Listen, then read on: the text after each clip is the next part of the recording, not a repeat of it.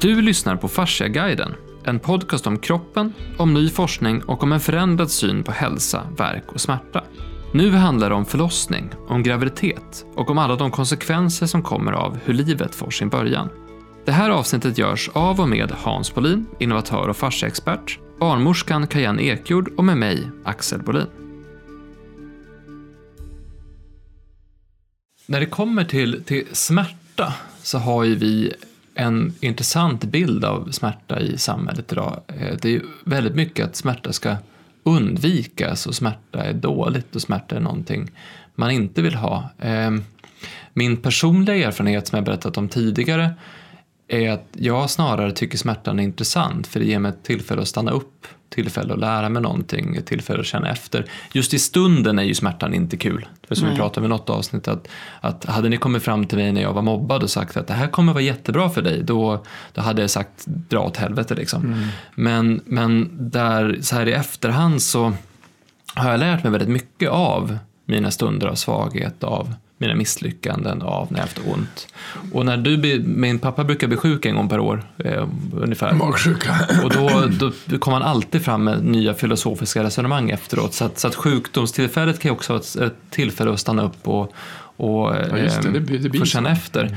På samma sätt så har jag tyckt att ångest är ganska intressant. Eh, nu är, händer inte det så ofta längre men, men förr i tiden när jag var bakfull så fick man alltid ligga upp och fundera på ja, vad är viktigt i livet egentligen och nu ska jag bli en bättre människa mm. och så här ska jag inte må mm. igen eller så här ska jag säga. Så att, så att ångesten blir ju också ett tillfälle för reflektion om man verkligen vill uppleva den.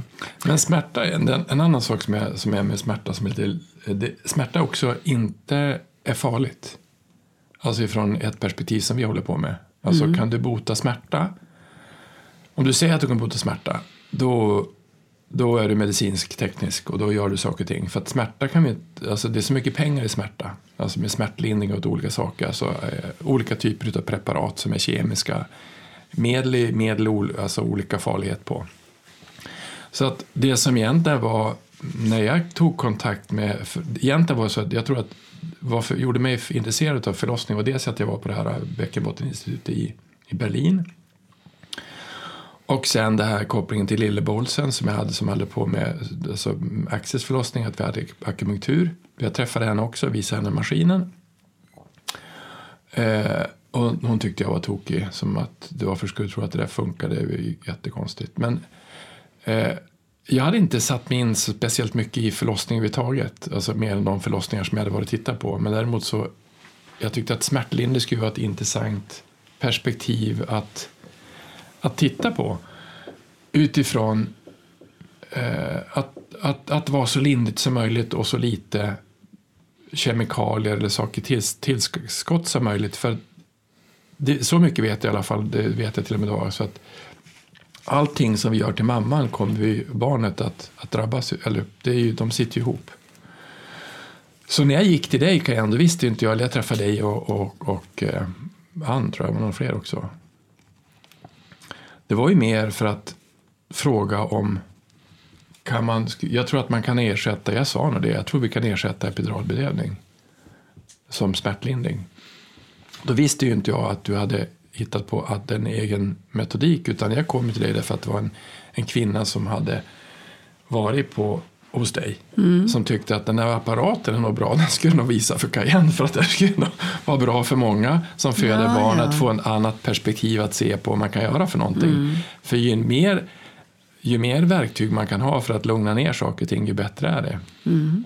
Men det kanske var där som ni klickade så bra redan från början. För du, du, har ju, jag har ju hört dig prata förut, och du har ju gått en liten egen väg när det kommer till hur man ser på just förlossning, på miljö men framförallt på, på smärtlindring eller på smärta. Eh, och då har ju du uppfunnit någonting som heter dyktekniken. Eh, så du kan berätta lite mer om vad det är för någonting? Uh, ja, alltså egentligen så tänker jag så här, hur man hanterar smärtan är viktigt. För det du inspirerade mig till det var det här med att, att hur man hanterar, hur man förhåller sig till smärtan att se det mer som intressant. Och eh, bakgrunden, och egentligen det är inte jag som har kommit på dyktekniken utan jag kan väl kalla för att det var min kropp som kom på det. Eller Gud. Eller vad man nu ska kalla det. Eller livet. Men bakgrunden var att jag jobb, då jobbade jag på Södersjukhuset.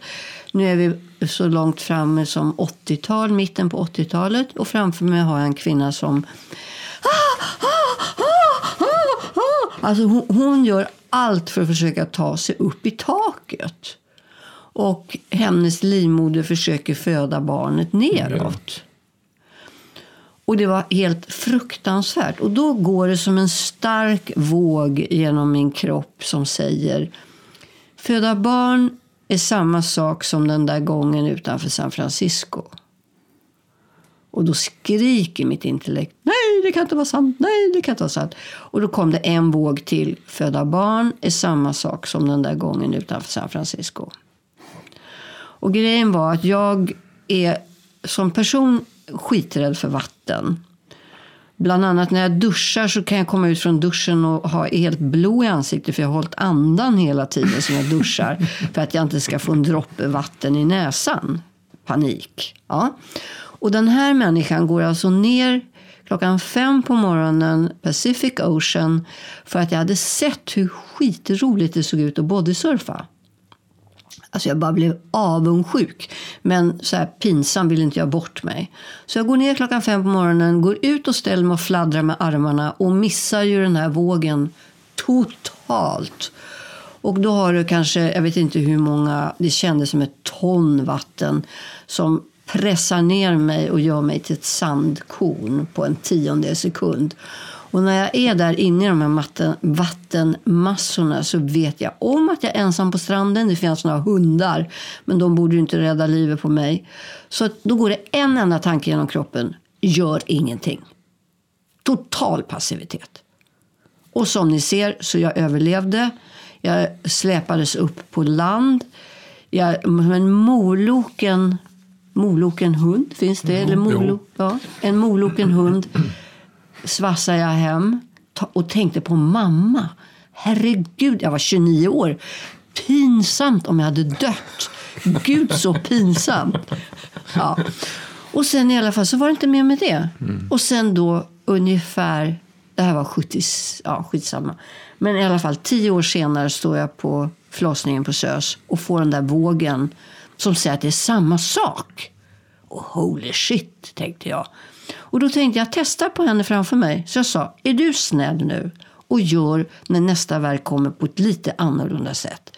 Jag vill att på sekund noll, för jag hade ju missat den där vågen med säkert 1,5 sekunder. Mm. Hade jag inte missat så hade jag bara jaha, varit bäst i världen. I alla fall så sa jag till henne, släpp käkarna, släpp axlarna och sjunk ner. Du ska se ut som du är lite dum i huvudet bara. Ja. Och hon gör det. Och inte ett pip. Och så när verken är över så säger människan Nej men nu kändes det inte. Mm. Och jag var på väg att fullständigt explodera av lycka. Och, och, det var egentligen bara min kropp som talade om för mig att eftersom jag har inte fött något barn själv. Mm. Eh, och på den vägen var det. Plus att jag då hoppade hoppade och skuttade ut till mina kollegor. Och det är konstigt att det är så svårt att, genom att få fram goda budskap. Mm. Om man berättar hemska saker så lyssnar folk jätte, jätte, jätteintensivt. Så här, oh, vad intressant. Men jag berättade det här och det blev inte mottaget. Och då trodde jag först att det var mig det var fel på. Men sen så var det ju bara det att kvinnorna, de gjorde de, de trodde på mig. Och så har jag dykt och dykt och dykt och dykt och dykt och dykt och dykt och så dykt. Och jag tänkte det, om ingen annan är intresserad så är i alla fall kvinnorna intresserade av att det ska göra mindre ont. Och grejen är så här, att eftersom du kan, det kan man ju tänka sig, på norska heter det rie. Våg. våg. Verken alltså? ja, just det. Det heter på mm. norska våg, alltså rie, en rie att det är ju som en våg. Va? Mm. Det börjar försiktigt och så bara stegras den, stegras den och så går den. Ja, för det ska ut. Exakt. Det är en kompression. Ja, och då, ditt förhållningssätt är att du ger upp inför smärtan. Att du som att man ger upp och tänker, jaha, det finns ingenting man kan... Om man håller på och gör en massa saker så blir det bara värre. Och det är många gånger huvudvärk. Eller någonstans så, så säger det till mig eller personen eller kroppen. Lägg dig ner och var passiv. Det är vad smärtan säger. Stanna upp.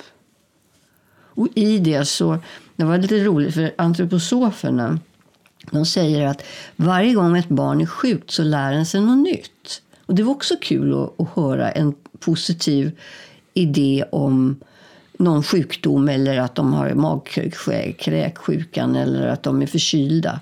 Så plötsligt så kan de gå eller plötsligt så kan de börja prata. Att det var lite roligt att se sambandet. Att, att Hans är som ett litet barn. Ja. Så när han har blivit sjuk ont, ja, då, då blir det ja, så, så lär han sig något nytt. Men det är Jag ju... tycker, man, jag tycker man lär sig. Jag tycker alltid, jag, tvärtom, jag tycker vatten är... eh, alltså jag får ju alltid det när jag står och duschar. Ja. Alltså på morgonen. Ja, jag höll på att dö. Det är inte jag. Men däremot heter det var.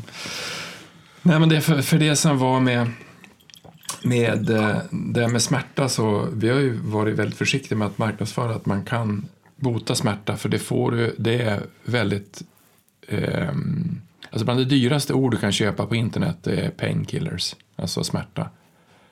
För det är väldigt mycket pengar i just smärtlindring av olika slag. Alltså, ehm, alltså olika typer av medel som har med smärta att göra. Det är det som är väldigt dyrt att marknadsföra. Men vi skulle använda ordet hantera smärta Ja, istället. det kan man göra. Ja, men man, kan, man kan alltid hitta på andra sätt att Ja, göra det ja. på. Men det som var intressant också när man tittar på det med, med, med eh, eh, därför att vi, vi hade ju någon som ringde till oss och, och sa att det var någon som hade varit med om någon, någon svår operation och jag tror att det var, en, det var en, nej, någon typ av cancerbehandling i, i ansiktet. Och eh, då hade den vårdaren som var sjuksköterskan som var, det var på Lunds akademiska, ringde då till en av våra, sökte på bindvävsbehandling. Och hittade en terapeut som hade våran maskin och ringde in den terapeuten till Lunds akademiska och den här kvinnan då som har alltså fått någon typ av strålning i ansiktet hade jätteont och på fem minuter var hon smärtfri. Eh, och då tog vi, vi vet ju varför smärtan, varför smärtan lindras utav, utav vibration och rörelse. Det är därför att de, de smärtreceptorerna de klarar inte av den typen utav oscillering i rörelse, de stängs av. Och det kanske har att göra med att ska vi fly och springa, då är det mycket som rör sig. Då, då är både, både ty, olika typer av mod som, som gör att vi, vi inte känner så mycket. Men också att, att just cell, alltså de här smärtreceptorerna, de, de klarar inte av för mycket rörelse. Men, men det som jag tyckte var intressant, det var, alltså, det var att titta på, kan man på ett Alltså när, när Axel föddes då hade vi älgen som man körde fram och tillbaka Ja, på ryggen. ja, ja, på ja, ryggen. Ge mig älgen, sa Lotta. Så, så körde han. Kom hit med älgen. Så körde han. Och den, den var ju bra, men det, var, det, det, var, det gjorde ont i alla fall. Vad var älgen för Ja, något? älg, älgen var, det, var, det såg ut som en älg med fyra stycken hjul på. Ja, som men som man som man körde. körde fram och tillbaka på ryggraden. Teknik, Teknik, teknik. så älgtekniken var. Men då tänkte jag, alltså det där, alltså kan man, jag tror att det man kan förändra mest utav allting det är om vi kan få se vilken fantastisk sak det är att föda barn, alltså vara gravid och föda barn, för, för bägge parter, både för man och kvinna, och för barnet. Kan vi göra det till en, en fantastisk upplevelse som, som du tycker också att det borde kunna vara, då, då, då blir det ju det blir ju vibrationer, det blir, andra, det blir ett helt annat sätt att se på saker, att det är naturligt, att det är fint och att det är något stort, än att det är någonting som vi ska fly ifrån. För det, det sa min fru till mig också, nu räcker det så, nu går vi hem. Vi gör det, packa ihop och gå hem, det sa vi. Får jag göra det? Nej, det får du inte göra, du är helt, jag är helt från bettet, eller vi kan inte gå hem nu, du, du ska ju föda barn. Men det gör ju så ont, jag vet, men det, det, det, det, det gör det ju, men hon ska ju gå hem. Det, Jo, men det är så roligt. Det brukar vara de som, när man kommer till 10, 9, 10. De som är på sjukhus säger då att nu går jag hem. Ja. Och de som är på hemma, de säger nej, nu åker vi in. Ja, det är samma sak. Ja, det är samma. Det är samma sak. Men, det, men det är att man har nått sin gräns Ja. va? för vad man pallar.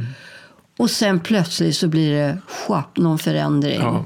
Och, och, och då, ja, du är ju, kvinnan är ju starkare. Sen måste vi möta alla kvinnor på Där där, de är, ja, är. Självklart liksom. Men min önskan är ju att kvinnan ska gå ur den här kvinndomsprovet stärkt. För det är på något sätt det som är bra för bebis, för henne som mamma. Att känna att hon inte har blivit överkörd och att hon har blivit respekterad. Och då är ju som till exempel brumapparaten, den är suverän att använda. För den hjälper henne ner i kroppen eftersom om vi säger huvudfotingen, hon försöker göra allt för att komma ifrån kroppen. För kroppen är ju något lite fult och, och ja, lägre stående varelse, kroppen. Medan intellektet är Gud eller det fina. Och då med hjälp av den här brumapparaten så kan man hjälpa kvinnan ner i sin egen kropp. Och då blir det inte lika hemskt om du möter smärtan än om du försöker fly den. Försöker du fly den, hade jag försökt att dra ifrån de här vattenmassorna, jag lovar, jag hade varit död idag. Jag hade, inte, jag hade varit liksom saka saka, död. Om jag hade försökt att börja kämpa mot de där vågen, den där kraften i den vågen. Och det, den kraften är ju naturlig. Den, den förlossningskraften kommer ju. Ja. Den, är ju bara, den, den kommer ju att komma. Men om vi gör så här då, för nu ska vi testa någonting helt nytt. Eh, vi har ju pratat lite grann om hur det finns eh, brister i eh, hur förlossningsvården ser ut idag. Eh, och så finns det kvar lämnor från tidigare perspektiv där kvinnan har nästan eh, omyndigförklarats eller i alla fall nedvärderats och mannen är den som ska berätta hur en förlossning ska gå till som aldrig har varit med om en förlossning själv. Men om vi bara eh, tänkte vi gör bara totalt nytt. Mm för du har ju en eh, erfarenhet av ganska många förlossningar på, i flera olika miljöer, en massa olika case. Eh, du Hans har ju sett det här med hur man kan eh, rätta till eh, kroppen både innan och efter. Du har ju faktiskt du börjat skicka eh, folk innan förlossning till Hans för att du rättar till deras bäcken och sen efteråt, efter förlossning, skickar dem tillbaka för att se till att det går bra. Eh, nu ska ni få en liten övning så här bara på uppstuds. Eh, hur skulle ni designa, om ni fick omdesigna hela förlossningsprocessen, hur skulle ni göra då? Ja, för det första så skulle kvinnan få gå på mödravård hos en barnmorska som hon fick lära känna. Att det kanske skulle vara max två eller tre olika kvinnor som hon skulle föda med. För att jag menar, när du... En kvinna ligger inte, har inte sex med vilken gubbe som helst. Där väljer vi vilka vi vill komma nära. Och där så skulle jag vilja att det var samma sak på på under graviditeten. Att de ska lära känna varandra så man vet hur man fungerar.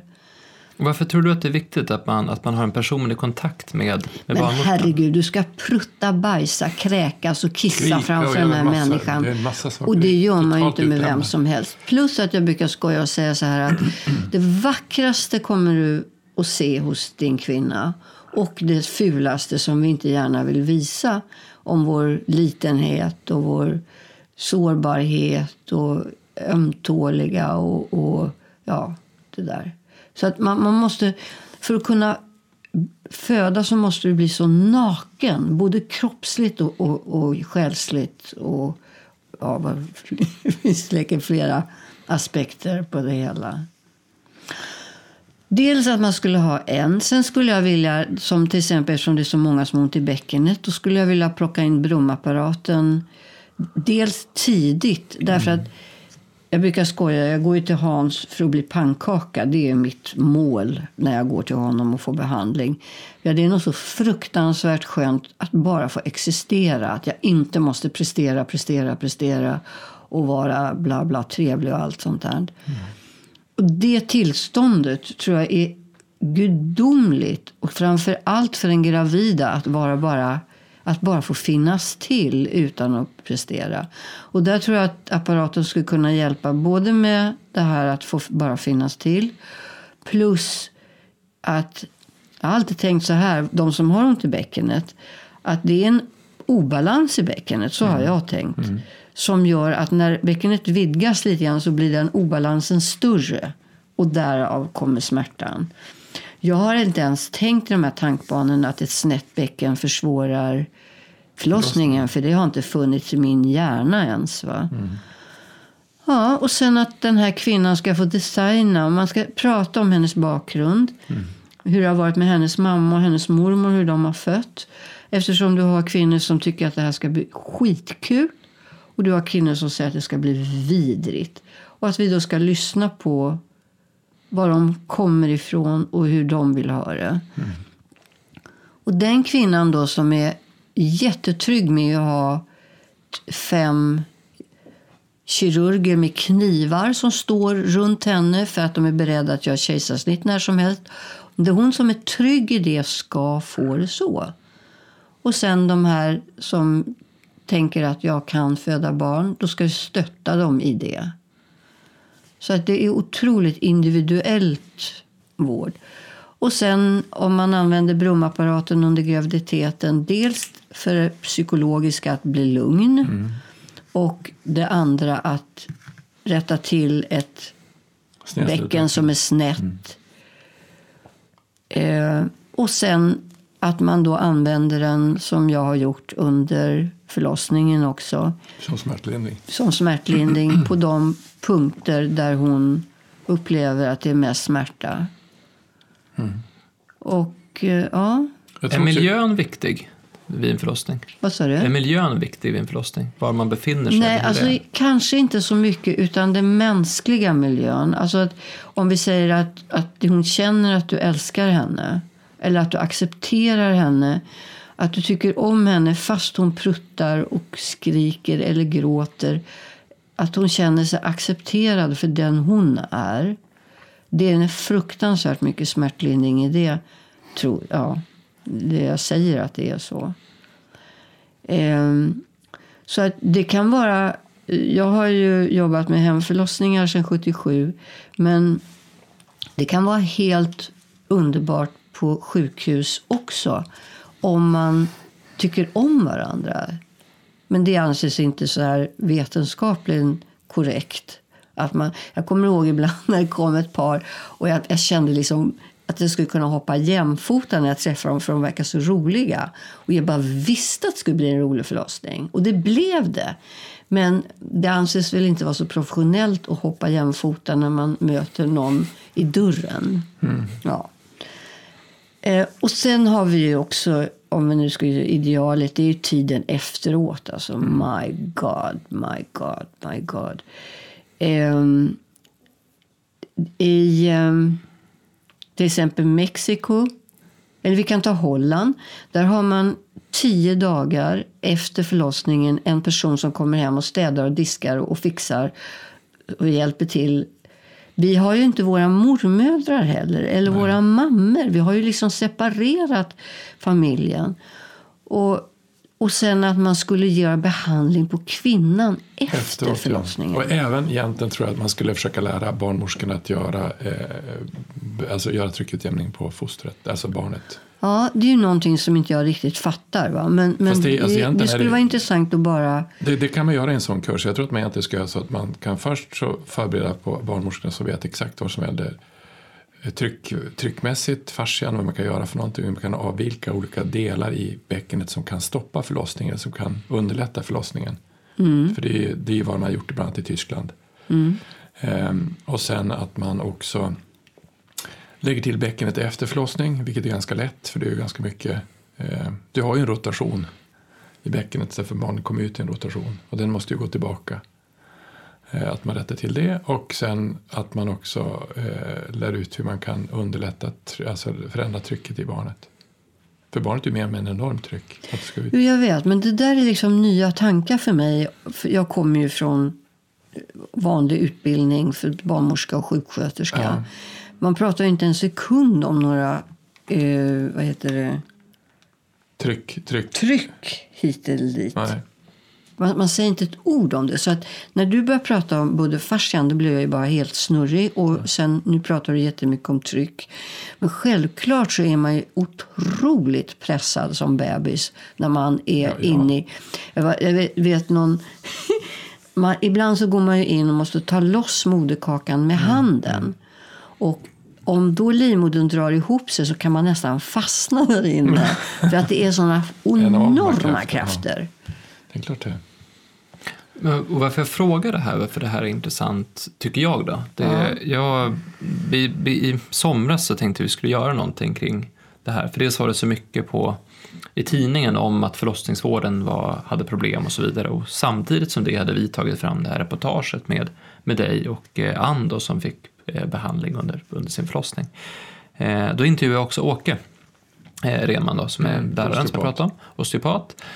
Eh, för han sa att, ja, men, hur många har du behandlat? Ja, men ungefär, jag behandlar ungefär 30-35 000 personer. Så, så mm. det är ungefär i min, under min tid som osteopat har jag behandlat så.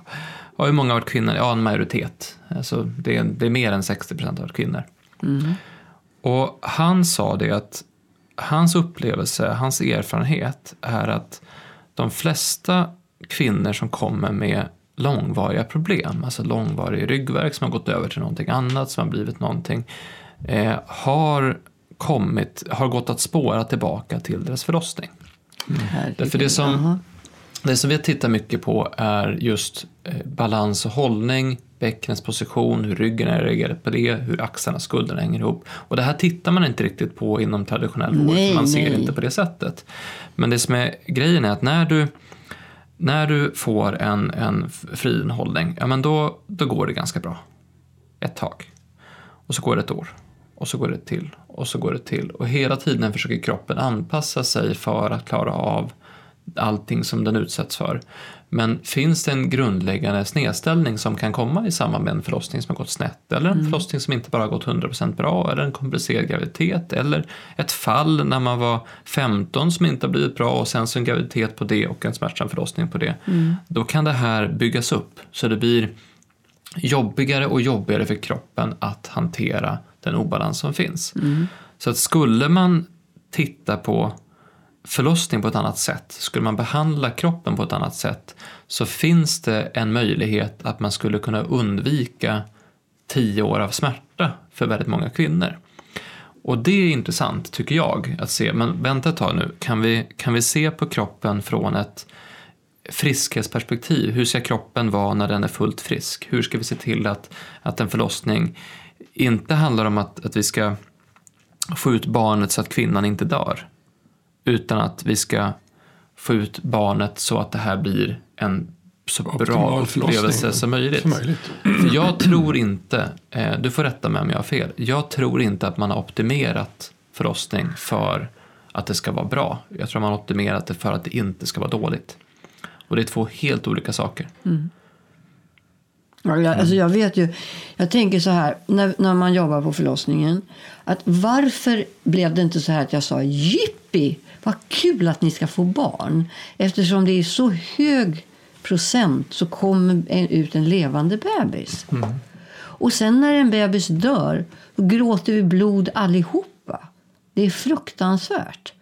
Men, men attityden är att om ni ska dö. Alltså att man har den, den approachen att det här är livsfarligt.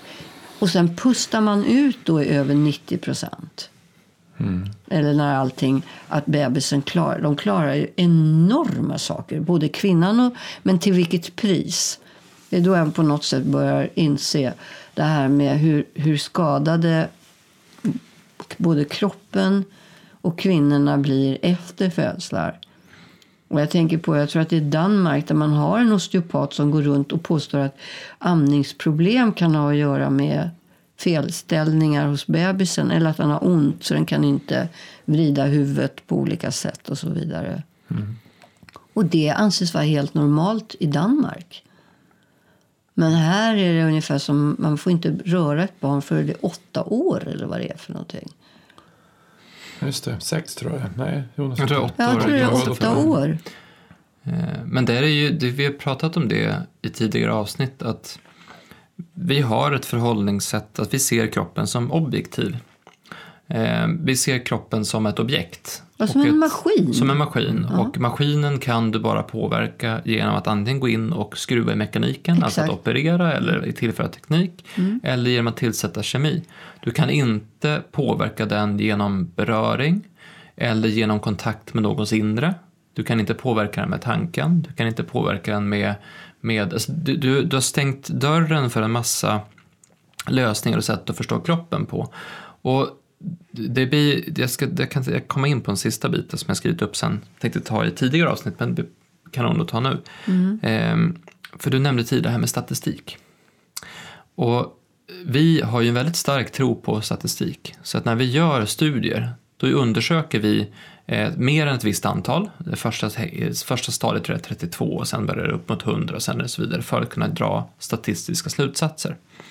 Och då säger vi att ja, men statistiken säger då att, att eh, 80% är så här och 20% är så där. Ja, men då kan vi säga att, att det här gäller för att 80% det, de gäller det för. Men det säger ju ingenting om om jag är den av de här 20 procenten som det inte gäller för, då säger ju inte det här någonting om mig. Så att vi tar en stor undersökning på väldigt många människor och så drar vi slutsatser utifrån vad majoriteten reagerar på eller vad majoriteten tycker. Men ur ett fasciaperspektiv, ur, ett, ur min kropp som en unik sändare och mottagarfrekvenser, så ur min kropp som en unik struktur, ur min eh, person, så är det egentligen inte så jätteintressant vad statistiken säger om hur min kropp reagerar om min kropp är den som den inte reagerar på det här sättet. Exakt. Och det här, alltså, det- jag säger inte att statistik är fel. Jag säger inte att, att den sätt man gör vetenskapliga studier på är fel. Jag säger att det är väldigt mycket åt ett håll. Man fokuserar väldigt, väldigt mycket på eh, kvantitativ data istället för kvalitativ data. Och det här kommer jag ihåg alltså även när, vi gjorde, när jag gjorde min uppsats. Att man, det, var lite, det var inte riktigt lika värdefullt att göra en kvalitativ studie. Att intervjua tre eh, personer eller företag istället för att intervjua eller göra någonting med, med 30. Det är bättre. Men du kan ju inte djupdyka och förstå mekanismerna i en i en person eller en organisation eller en varelse om du inte gör det. För att jag är ju mycket mer än en, en, en deltagare i en studie. Jag är ju en full varelse med massa olika saker och det här måste ju ha påverkat även hur man tar fram eh, mödravården. Exakt.